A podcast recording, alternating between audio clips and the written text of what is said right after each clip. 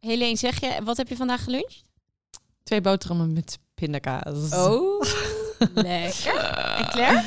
Twee crackers met pindakaas. Oh, wauw. Tikke maag, Oh my god. Nee, dat Oké. we gaan beginnen. Welkom bij Koffiecode Podcast. De podcast voor en door geneeskundestudenten. Waarbij wij, gewapend met een kop koffie, voor jou op pad gaan om interviews af te nemen met de leukste, interessantste en meest inspirerende artsen van Nederland. Dit is Koffieko. Hey Ko, ja wat doe je daar? Er staat een carrière voor je klaar. Maar je weet nog niet wat en waar. Een cappuccino maakt het minder zwaar. Dus zet je volumeknop omhoog. Want je luistert Koffie Co en je weet het zo.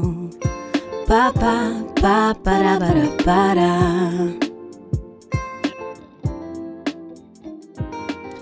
Welkom bij Koffiecode Podcast, de special. Wij zijn Doris En Eva. en in de special gaan wij in gesprek met artsen over vakoverstijgende onderwerpen. Vandaag praten wij met twee bijzondere vrouwen. Claire Loods, huisarts.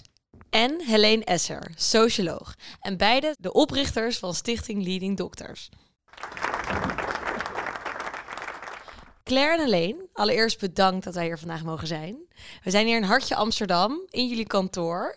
Zit jullie koffiecorner om de hoek? Ja, hieronder. En eh godzijdank hebben we een eh, goed koffieapparaat hier binnen staan. Dat hebben wij wel mogen proeven. Dank daarvoor. Hey ehm, Claire, we hebben jou al een keer gesproken in een van onze corona-afleveringen. Dus wij weten inmiddels hoe jij je koffie drinkt. Maar ehm Helene, weet jij dat ook? Hoe Claire haar koffie Ja. drinkt? Zeker. Eh, cappuccino met havermelk, het liefst. Of zwart. Lekker. Claire, hoe drinkt Helene? Cappuccino met havermelk of zwart. Uit een leuk kopje, het liefst. Oh ja, die hebben wij net ook gekregen. een soort antiek. is mijn Zit daar nog een eh, ja. verhaal achter? Ik ben gewoon gek op die oude kopjes en ik vind dat heel gezellig meteen. Dus dan, eh, ik spaar ze overal vandaan. We hebben vandaag vier stemmen achter de microfoon. eh, vier vrouwenstemmen. Dus om het onszelf makkelijk te maken, eh, vonden wij het wel een goed idee om jullie jullie zelf even te laten voorstellen. Claire, zou jij willen beginnen? Ja, ik ben Claire Loods. Ik ben 37. Ehm, ik ben huisarts. Eh, samen met Helene heb ik Geneeskeuze opgericht, ruim acht jaar geleden. En ik heb eh, Stichting Leading Doctors met Helene opgericht. En ik ben eh, moeder van drie dochters, Pom, Ves en Bobby. Ik eh, ben Helene Esser, 36. Dus nog veel jonger dan Claire. Ehm, ik ben eh, socioloog van huis uit. Dus ik heb zo sociale wetenschappen hier in Amsterdam gestudeerd. Ehm, woonde eigenlijk 18 jaar lang in Amsterdam. En ik ben net twee weken geleden naar Driebergen verhuisd. Dus ik woon nu in een dorp. En ik heb ook twee dochters. Dus samen hebben wij vijf leading dochters. Zo noemen we het altijd maar. Wij vinden het altijd leuk om even te horen eh, van onze gasten hoe zij waren toen zij in onze schoenen stonden. Claire, dat kunnen wij aan jou vragen, want jij bent, arts. Hoe was jij als co-assistent? Ja, ik was van het type, ik vond alles leuk. En ehm, ik, vond het, ik dacht ook, ja, nou ja, ik ga er gewoon iets leuks van maken. Ik vond het te gek om een soort kijkje in de keuken te krijgen overal. Dus ik vond die kooschappen gewoon heel leuk. En ja, hoe was ik als co? Ik denk dat ik niet altijd de allerleukste co was voor mijn co-genoten. Als er leuke dingen waren, dan zei ik altijd, dat vind ik leuk. En eh, dat wil ik wel doen. En in die tijd realiseerde ik me nog niet zo goed dat niet iedereen op die manier dat meteen uitspreekt. Dus het was denk ik ietsje prettiger geweest als ik af en toe een klein stapje terug had gedaan. Wij zien onszelf ook wel als enthousiaste coach. Maar hoe denk je dan dat jouw medecoach daarover dachten? Nou, ik denk dat ik ehm, soms misschien wat meer ruimte had kunnen laten voor andere mensen.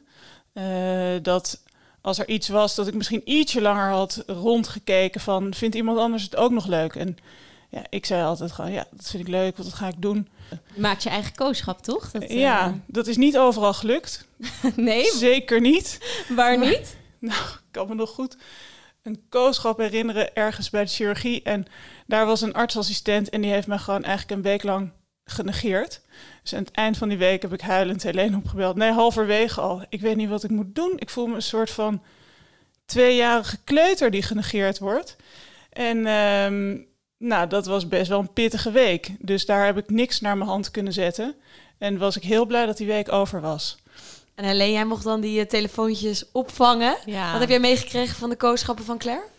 Ja, eh, weet je, Claire, jij was ook al wat ouder. Dus ik denk dat dat ook net wel maakte dat je makkelijker dingen naar je hand kon zetten of misschien wat makkelijker op dingen afstapte.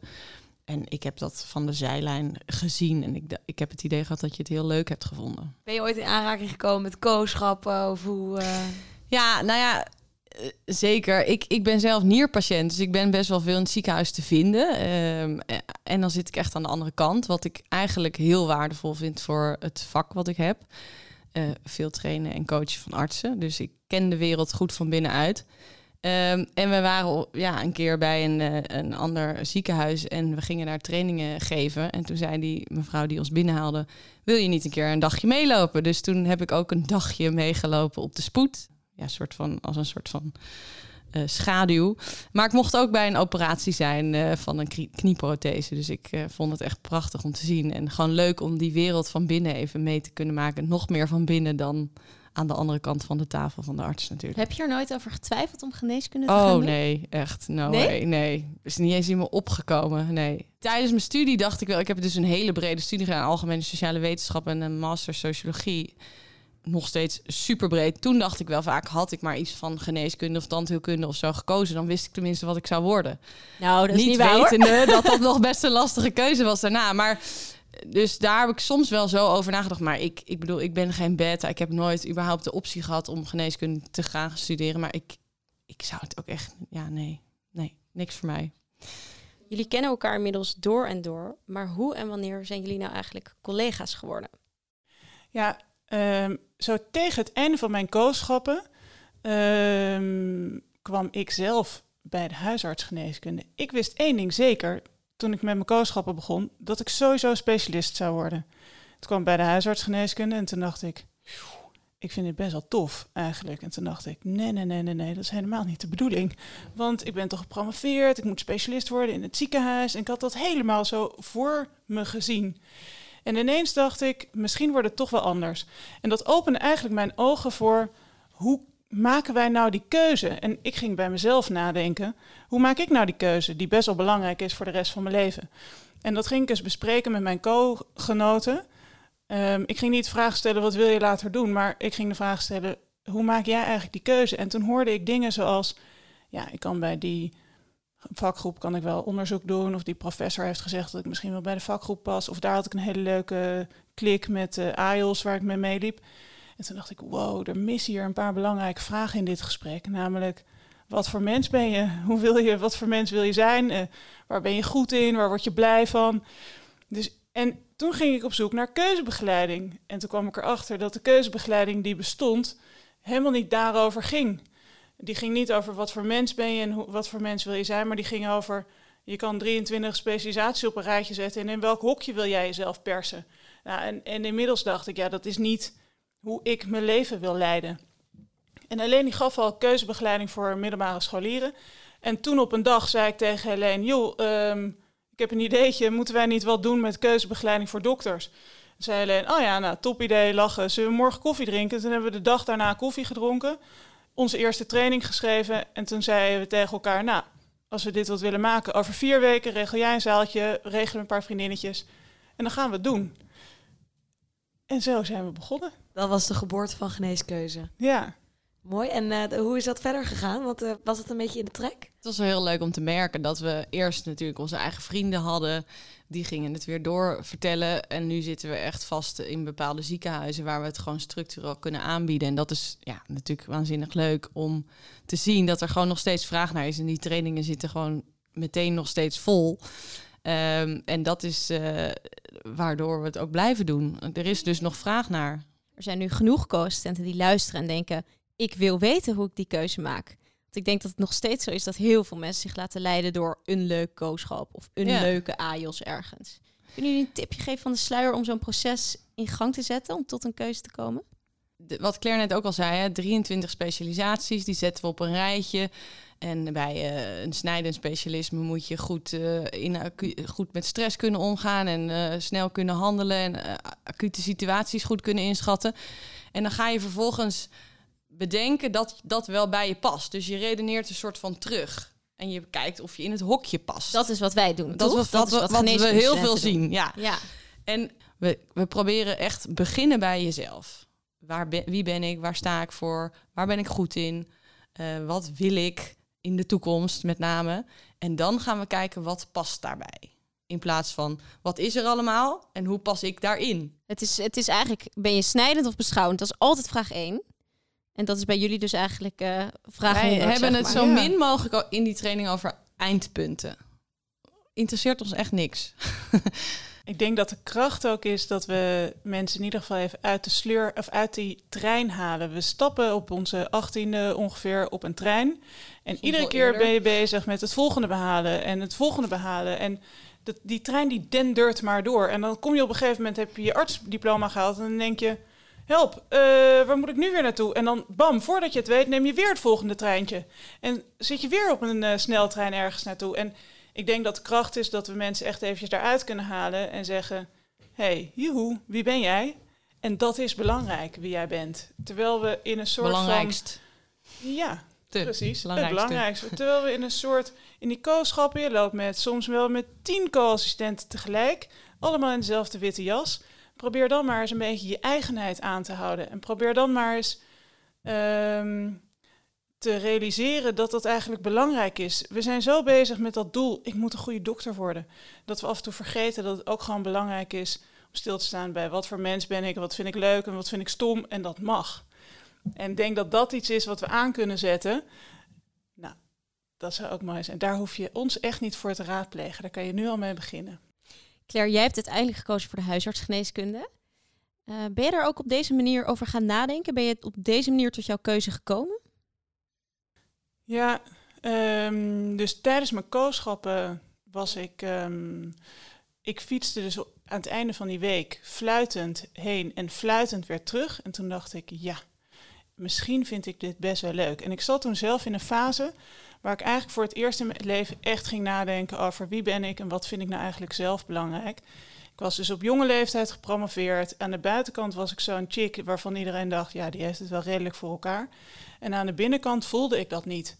Dus ehm, ik droomde eigenlijk best wel vaak dat ik faalde.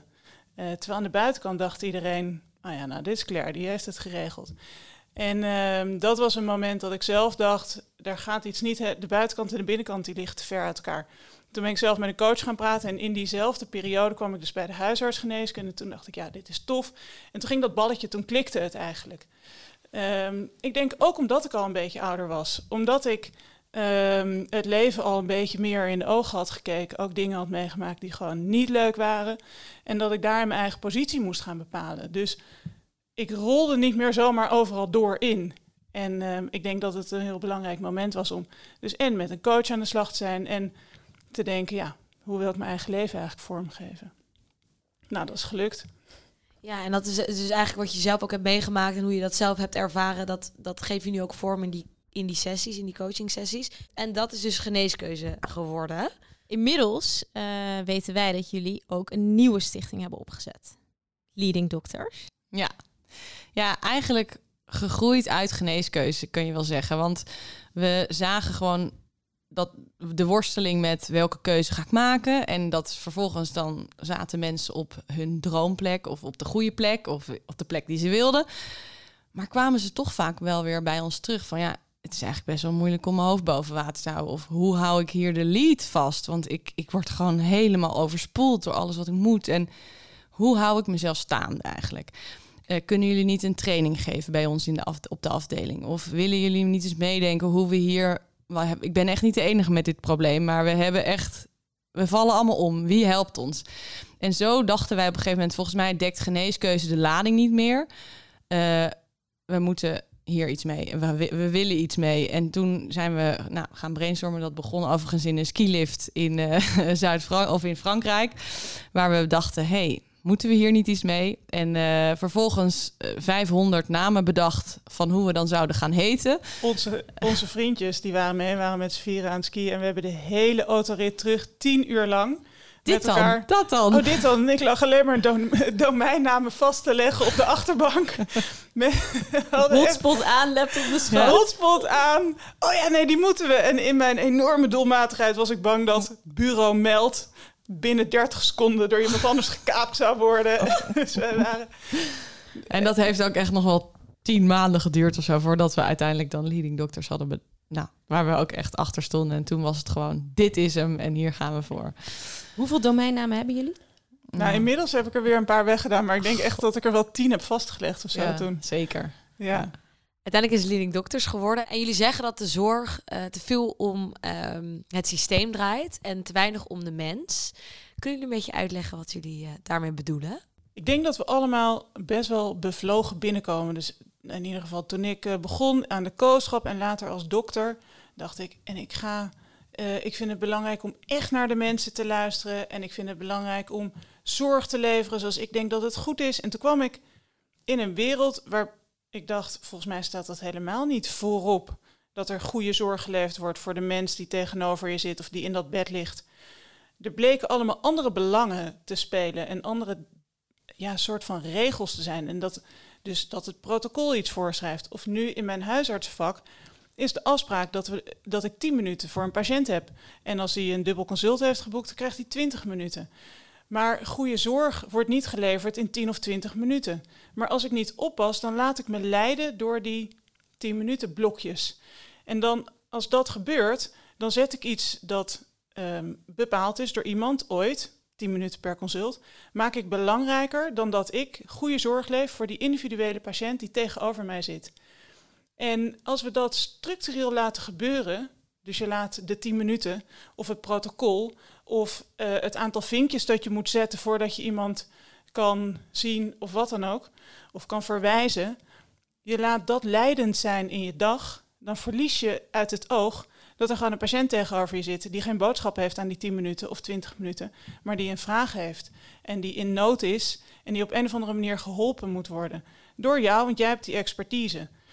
Ehm, dus wij zeggen, laat niet de 10 minuten, eh, laat dat niet leidend zijn. Hou niet altijd vast aan het protocol waarin sommige mensen gewoon niet passen. Ehm, maar kijk naar die individuele patiënt. Niet dat er iets mis is met protocollen en met richtlijnen. Maar ik had deze week nog een patiënt in de huisartsenpraktijk. Het is een jonge vrouw, die is direct na haar bevalling opgenomen op de intensive care. En um, baby is naar huis gegaan. Vader krijgt geen kraamhulp, want de kraamhulp is voor de moeder. En dit is iets dat, in, dat ik dus... Zij had corona. Onbegrijpelijk. Ja, die mevrouw die had Ja, ook nog corona, ligt op de buik, op de IC. Ja. Vreselijk verhaal. Maar het eh, ingewikkelde hieraan is, is dat dat protocol van kraamzorg is voor de moeder, is dan op een of andere ma- manier niet te doorbreken. En ik vind dat onacceptabel. Ik denk, laten we kijken naar zorg voor de individuele patiënt en wat daarin nodig is. Wat was nou de druppel of de directe aanleiding voor jullie om van geneeskeuze ja, door te stromen tot leading doctors? Ja, omdat we het eigenlijk al deden. Eh, omdat we dus als merkten dat we aan het verschuiven waren qua inhoudelijke trainingsprogramma's.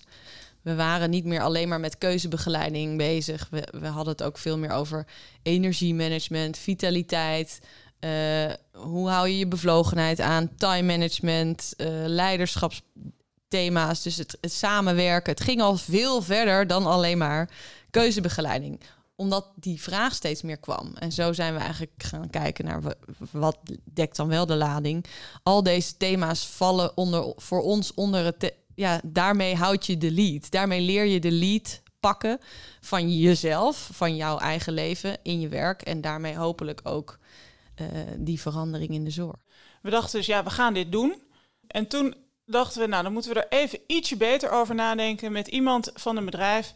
En die zei tegen ons, maar wat willen jullie nou eigenlijk bereiken? Toen zeiden we, ja, nou ja, ja, wij willen gewoon de zorg beter maken. Oh, zei hij, de zorg beter maken. Echt als in de zorg, gewoon Nederland de zorg. Eh, ja, zeiden we, ja, ja, we willen de zorg beter maken. Oké, dat is een stevige missie, hè? Ja, zeiden we, ja, dat, dat eh, klopt wel. Echt waar? Ja, keek elkaar nog eens aan. Dat willen we echt. En toen is eigenlijk dat hele proces in gang gezet van op wat voor manier willen we dit dan doen. Dus we zijn begonnen vanuit wij kunnen goed trainingen geven. Dus we zijn begonnen als trainingsbureau, geneeskeuze. En toen dachten we, we willen veel meer dan alleen maar trainingen geven. Die trainingen, dat, zijn, dat is een middel om ons doel te bereiken. Dat is dus uiteindelijk ja, toch echt wel impact hebben op de zorg, eigenlijk. Maar begrijp ik het dan goed dat, het, dat uiteindelijk iedereen moet persoonlijk een leading dokter worden? En als er maar genoeg zijn en als we het nou allemaal maar worden, dan kunnen we met z'n allen de zorg veranderen? Of gaan jullie vanuit het systeem kijken hoe we leading dokters kunnen opleiden? Ja, wat wij. eh, En, en- We doen het allebei. W- wij zijn goed met ehm, programma's voor jonge dokters.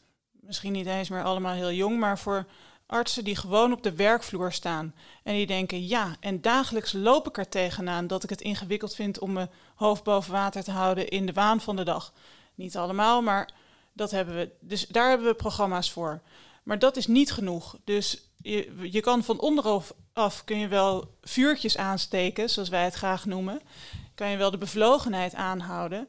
Maar uiteindelijk moet er ook van bovenaf wat gebeuren. Ik vind de vergelijking van ehm, Climbing Solo, die documentaire. Die gast die gaat een granieten wand omhoog.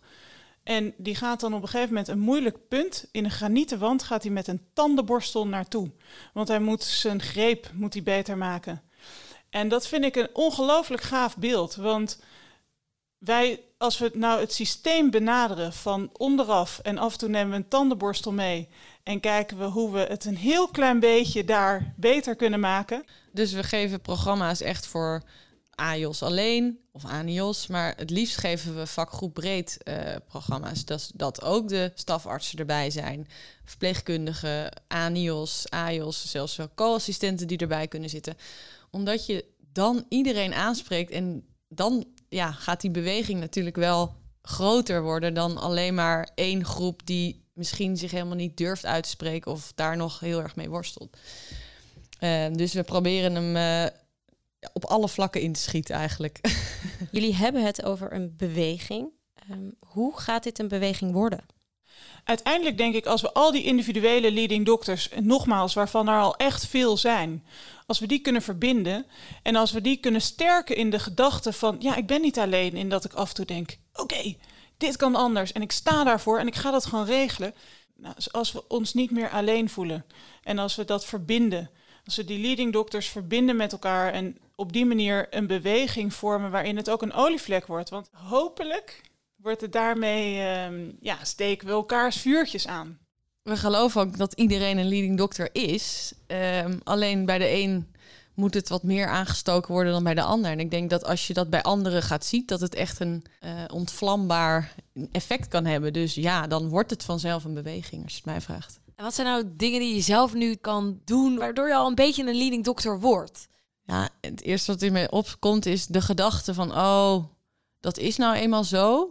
Dat is een eh, wake-up call. Die moet je kwijt. Oh, dat, dat doen we hier nou eenmaal zo. Oké, oké, dat zal dan wel zo. Nou, dan denk ik altijd meteen, oké, eh, ga daar dan even over zitten mijmeren. Of, eh, of stel er een vraag over. Juist wees er nieuwsgierig naar dat je zegt, hey, mag ik misschien een hele domme vraag stellen, maar waarom doen we dat zo? En dan kom je er ook achter dat het misschien helemaal niet met een reden is, omdat we het altijd al zo doen. En dan kun je ook gaan bedenken, kan ik daar misschien iets mee? Vind ik daar iets van? Wat zou ik anders willen doen? En ga er een gesprek over aan. Dat is ja, mijn eerste eh, gedachte. Ik denk dat alleen al de wetenschap dat het oké is om je eigenheid aan te houden. En als ik nou één tip kan meegeven, die toestemming die krijg je bij deze ehm, om die eigenheid aan te hebben. En dat is, dat is niet van vandaag op morgen is dat er en niet iedere dag. En ik raak het ook nog wel regelmatig kwijt als ik weer overloop van de nou, dingen op een dag. Maar om er af en toe bij stil te staan, ja, daar kan je gewoon vandaag mee beginnen. En met eigenheid, dat is misschien een heel gek groot begrip, maar dat, dat is gewoon in mijn ogen dat je dus als je een grapje in je hoofd hebt en het komt op, maak hem. Of als je een vraag hebt, stel hem. Of als je eh, iets wil zeggen omdat je het gewoon even kwijt moet, of iets kwetsbaars, of dat zijn dingen die, die komen gewoon uit je hart. En gooi ze er alsjeblieft in, want dat maakt het menselijk als je het mij vraagt. En dat is volgens mij eigenheid. Ik denk dat dit al een paar hele mooie tips zijn voor, uh, voor co-assistenten en jonge dokters en überhaupt dokters om concreet morgen op de werkvloer toe te gaan passen. Zeker niet alleen tips voor jonge dokters, ook voor, oude, dokters. Eigenlijk Misschien nog wel meer voor oude dokters. Van, maar goed, dat zeg ik. Van onder en van bovenaf. Ik denk dat dokters zich misschien nu ook afvragen van waar schrijf ik me in? Waar koop ik mijn pamflet? Wanneer gaan we de straat op? Hoe... Waar krijg ik de leading doctor stempel? Precies. Hoe concretiseren we deze movement? Dat is een superleuke vraag en het antwoord is daarop nog niet helemaal helder. Uh, dat is gewoon nog in ontwikkeling. Wij zijn ook in ontwikkeling. Want we zijn in ontwikkeling. dus er is een website www.leadingdokters.nl en daarop staat een button en die, daar kan je op klikken en daar staat uh, doe jij mee? Vraagteken. En dan klik je erop en dan kan je inschrijven voor de nieuwsbrief. Uh, maar goed, een nieuwsbrief alleen maakt geen beweging. Dus de beweging wordt gemaakt door de mensen die zich hierdoor aangesproken voelen. Die beweging die is zich aan het vormen. Er komen mensen naar ons toe. En op wat voor manier dat precies gaat zijn, dat weten we nog niet. En dat is eigenlijk op een hele vrolijke manier het nog niet weten. En als je meer leading doctors op je afdeling wil, hebben we natuurlijk hele vette programma's. Ik bedoel, laten we wel zijn, we, we doen er al heel veel aan om leading doctors aan te zetten en die vuurtjes aan te jagen. En dat doen we door van allerlei soorten trainingen. Zijn er nog mensen die moeilijk te overtuigen zijn? Tuurlijk. Zeker. Wat doen jullie daar dan mee? Er zijn mensen die echt denken: yes, dit is waar we naartoe willen. En die mensen spreken we aan. En de echte starre stugheid in het systeem, ja, nog even niet. Uh, weet je, toen de iPhone uitkwam, uh, stond ook niet meteen iedereen te springen om een iPhone te kopen. En waren er een paar mensen die dachten: hé, hey, dat gaat mijn leven beter maken. Ja, daar zijn we nu. We zijn... Of we proberen juist daardoor wel het gesprek open te breken in een bepaalde groep. En dat is juist ook weer, daar heb je ook de meest sceptici voor nodig. Zijn er bepaalde types of zien jullie patronen? Ja, het is te kort door de bocht om daar echt iets over te zeggen, denk ik. En daarmee, als we daar een uitspraak over zouden doen, dan zouden we mensen tekort doen. Maar um, ze zijn er zeker. Interessantste is dat het gebeurt en dat je dat kan uh, benadrukken of aanstippen en daarmee iets openbreekt. Jullie doen dus ook trainingen met vakgroepen. Kan je ons daar wat meer over vertellen, Helene? Ja, dat is heel leuk, omdat je elkaar echt op een nieuwe manier leert kennen. En we proberen oefeningen te doen uh, waarin ze het hebben over... hey, wat doet dat met jou? Of waar word je blij van? Of waar ben je goed in? En elkaar daar ja, inzicht in te geven van elkaar... dat geeft meteen al veel meer verbinding in een vakgroep. En uh, er kunnen dingen makkelijker besproken worden. We werken bijvoorbeeld veel met het diskmodel. Vier kleuren. En als je het daar al met elkaar over kan hebben, of elkaar de volgende ochtend weer kan aanspreken, doe niet zo geel of doe niet zo dit. Dat, ja, we zien dat gewoon uh, dat daardoor de verbinding met name heel erg groeit. En de, nou, ook de hiërarchie, denk ik, uh, in zo'n vakgroep kleiner wordt of, of minder wordt. In de trainingen die we geven hebben we altijd drie domeinen in ons hoofd. Dat komt uit een waanzinnig leuk artikel uit de Catalyst. Dat is een subblad van de New England Journal of Medicine. En daarin worden drie domeinen beschreven die van belang zijn om uh, in de gaten te houden als je het hebt over het welzijn van je artsen. En dat gaat over persoonlijke veerkracht. Het gaat over de cultuur die je met elkaar hebt. En het gaat over de um, efficiency van het systeem, van de organisatie. En in de trainingen die wij geven is het eigenlijk, um, gaat het vaak over die persoonlijke veerkracht alleen. En uh, wij vinden nadrukkelijk dat dat niet het enige is waar je over moet praten met elkaar. Maar die andere delen, die andere domeinen, die zijn ook belangrijk om aandacht te geven. Dus we hebben het altijd over ja, wat voor persoon ben je. Vanuit daar gaan we naar de cultuur in de groep. En vanuit daar zeggen we ook: oké, kunnen jullie dan met elkaar kijken naar jullie systeem? En hoe heb je het georganiseerd? En die domeinen steeds zo goed in de gaten houden is wel echt van belang. Want je kan nog zulke bevlogen artsen hebben, maar als je structureel onderbezet bent, ja, dan gaat dat uiteindelijk wat doen met de sfeer op je afdeling, maar ook met werkplezier en met de werkdruk. Uiteindelijk, uh, de muren waar je tegenop loopt, bijvoorbeeld onder bezetting of uh, competitie om opleidingsplaatsen, die zeldzaam zijn.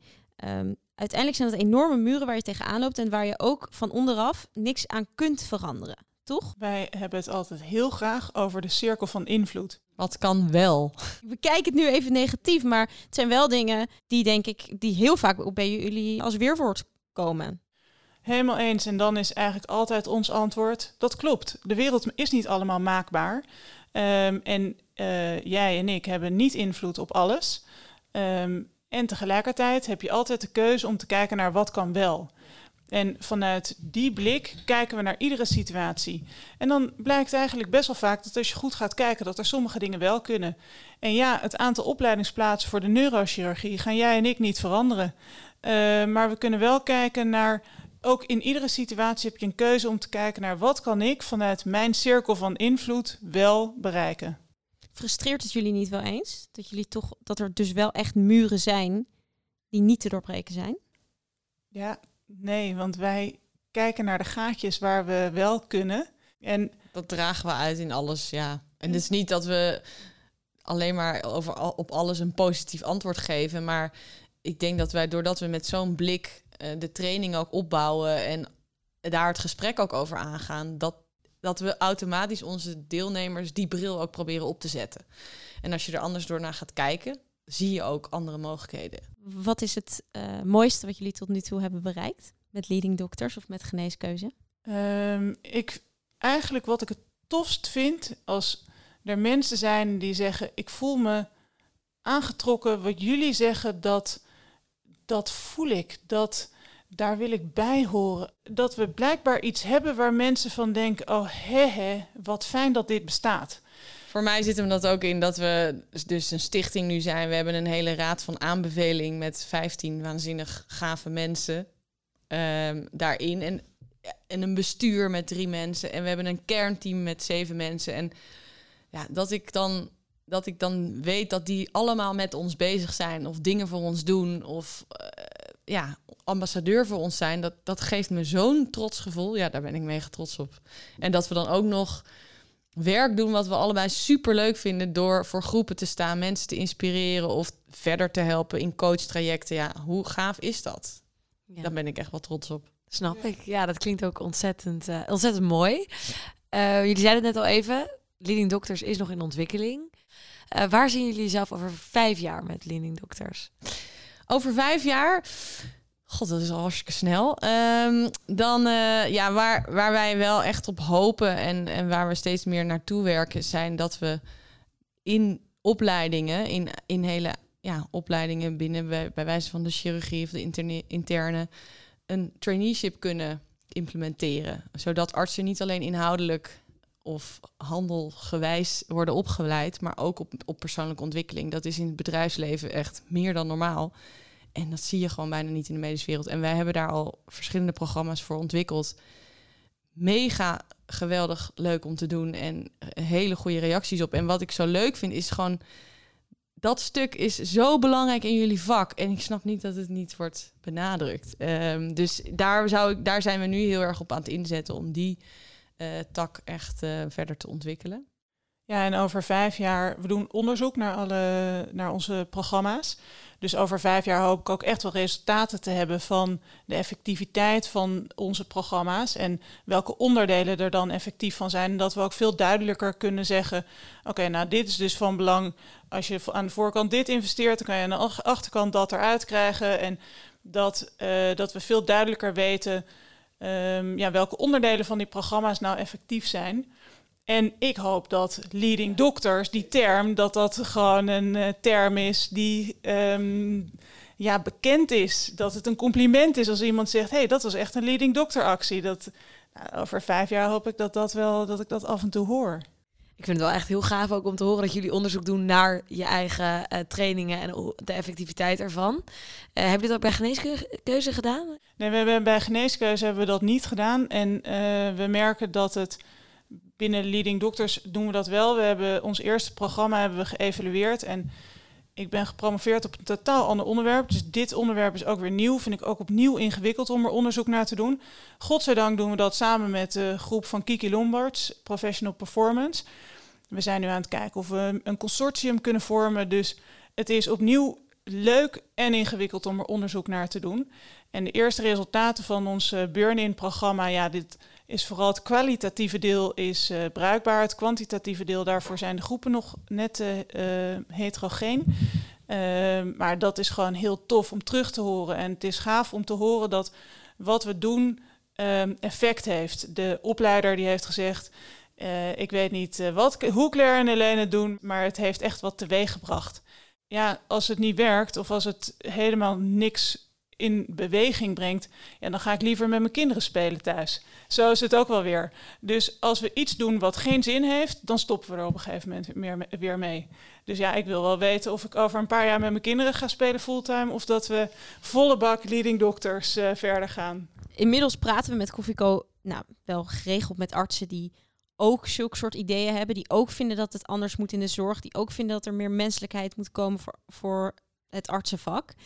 Um, maar ik heb dan soms het idee dat het best wel allemaal gesegmenteerd bezig is op verschillende plekken. Hoe krijgen wij, of hoe krijgen jullie bij Leading Doctors al die mensen samen? Een van onze belangrijke doelstellingen is dat we ook een verbindende rol hebben. Uh, dat mensen zich daardoor gesterkt voelen door elkaar. En um, als het nodig is, alleen als het nodig is, dan gaan we die verbindende rol graag spelen.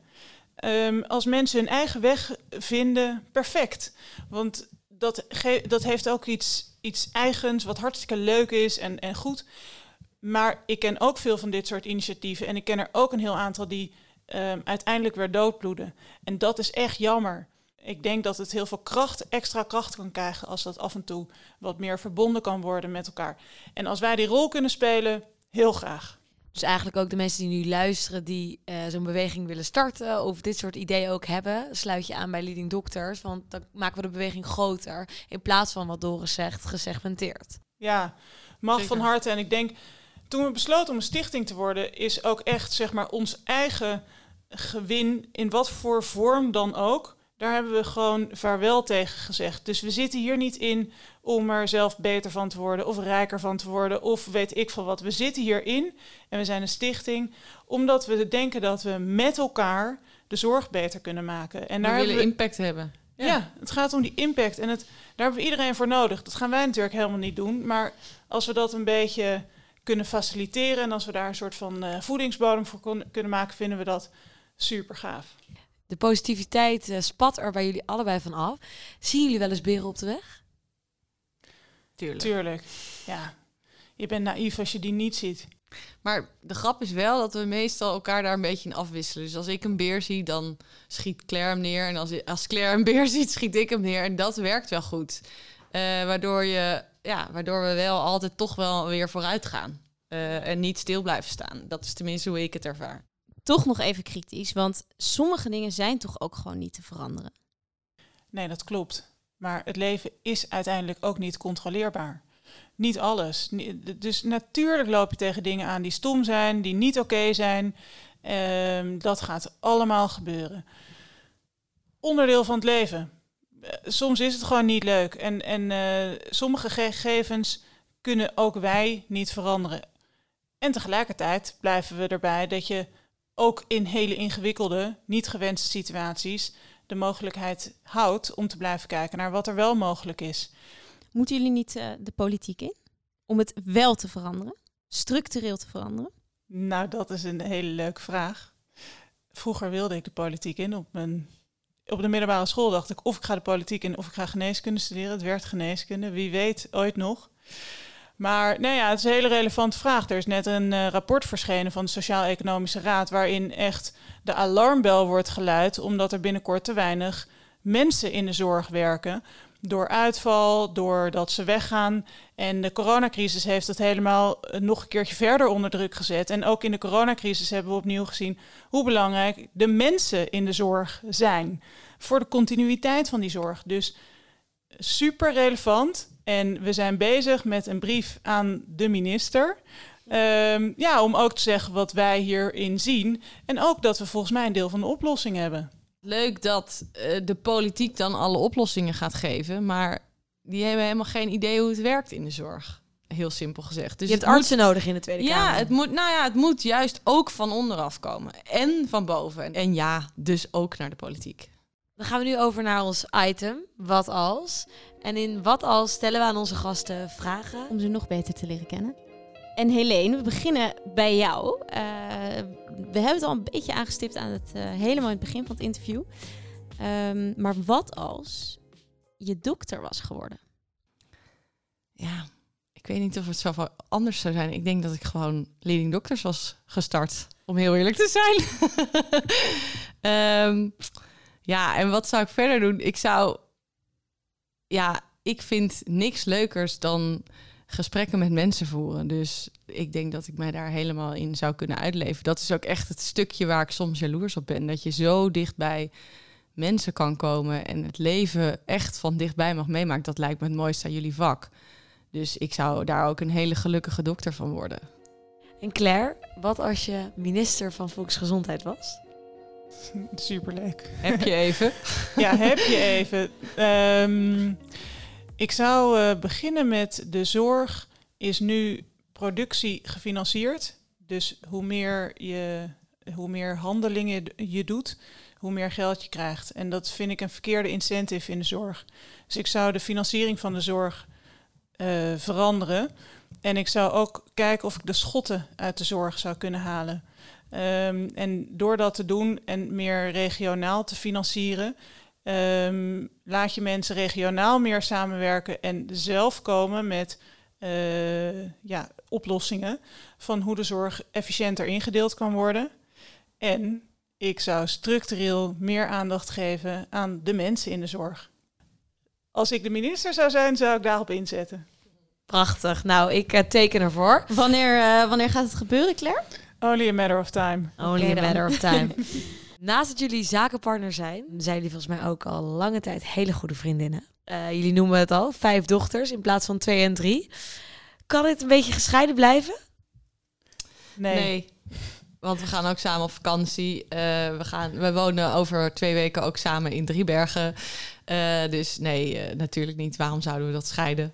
We zitten echt businessplannen te maken aan de zandbak. En um, met, terwijl we pannenkoeken staan te koken voor onze kinderen, hebben we weer ons uh, nieuwe plannetje en spreken we nog even de training voor morgen door. Dus um, nee. Gelukkig dat onze mannen het ook met elkaar kunnen vinden, zullen we maar zeggen. Maar jullie mannen hebben nooit zoiets van, hey, kan het even over iets anders gaan dan die dokter? Wij die vinden het wel tof. Want, ja, uiteindelijk hebben we zeg maar in de afgelopen acht jaar uh, nou, een uh, opleiding gedaan, uh, vijf kinderen gekregen en en passant ook nog dit zo opgezet. Ja, eigenlijk vinden onze mannen het gewoon wel gaaf. En onze kinderen ook, want ik zei net, mama, wat ga je doen? Ik zei, nou, ik ga even naar Amsterdam voor een interview. Waarover dan? Ja, over leading doctors.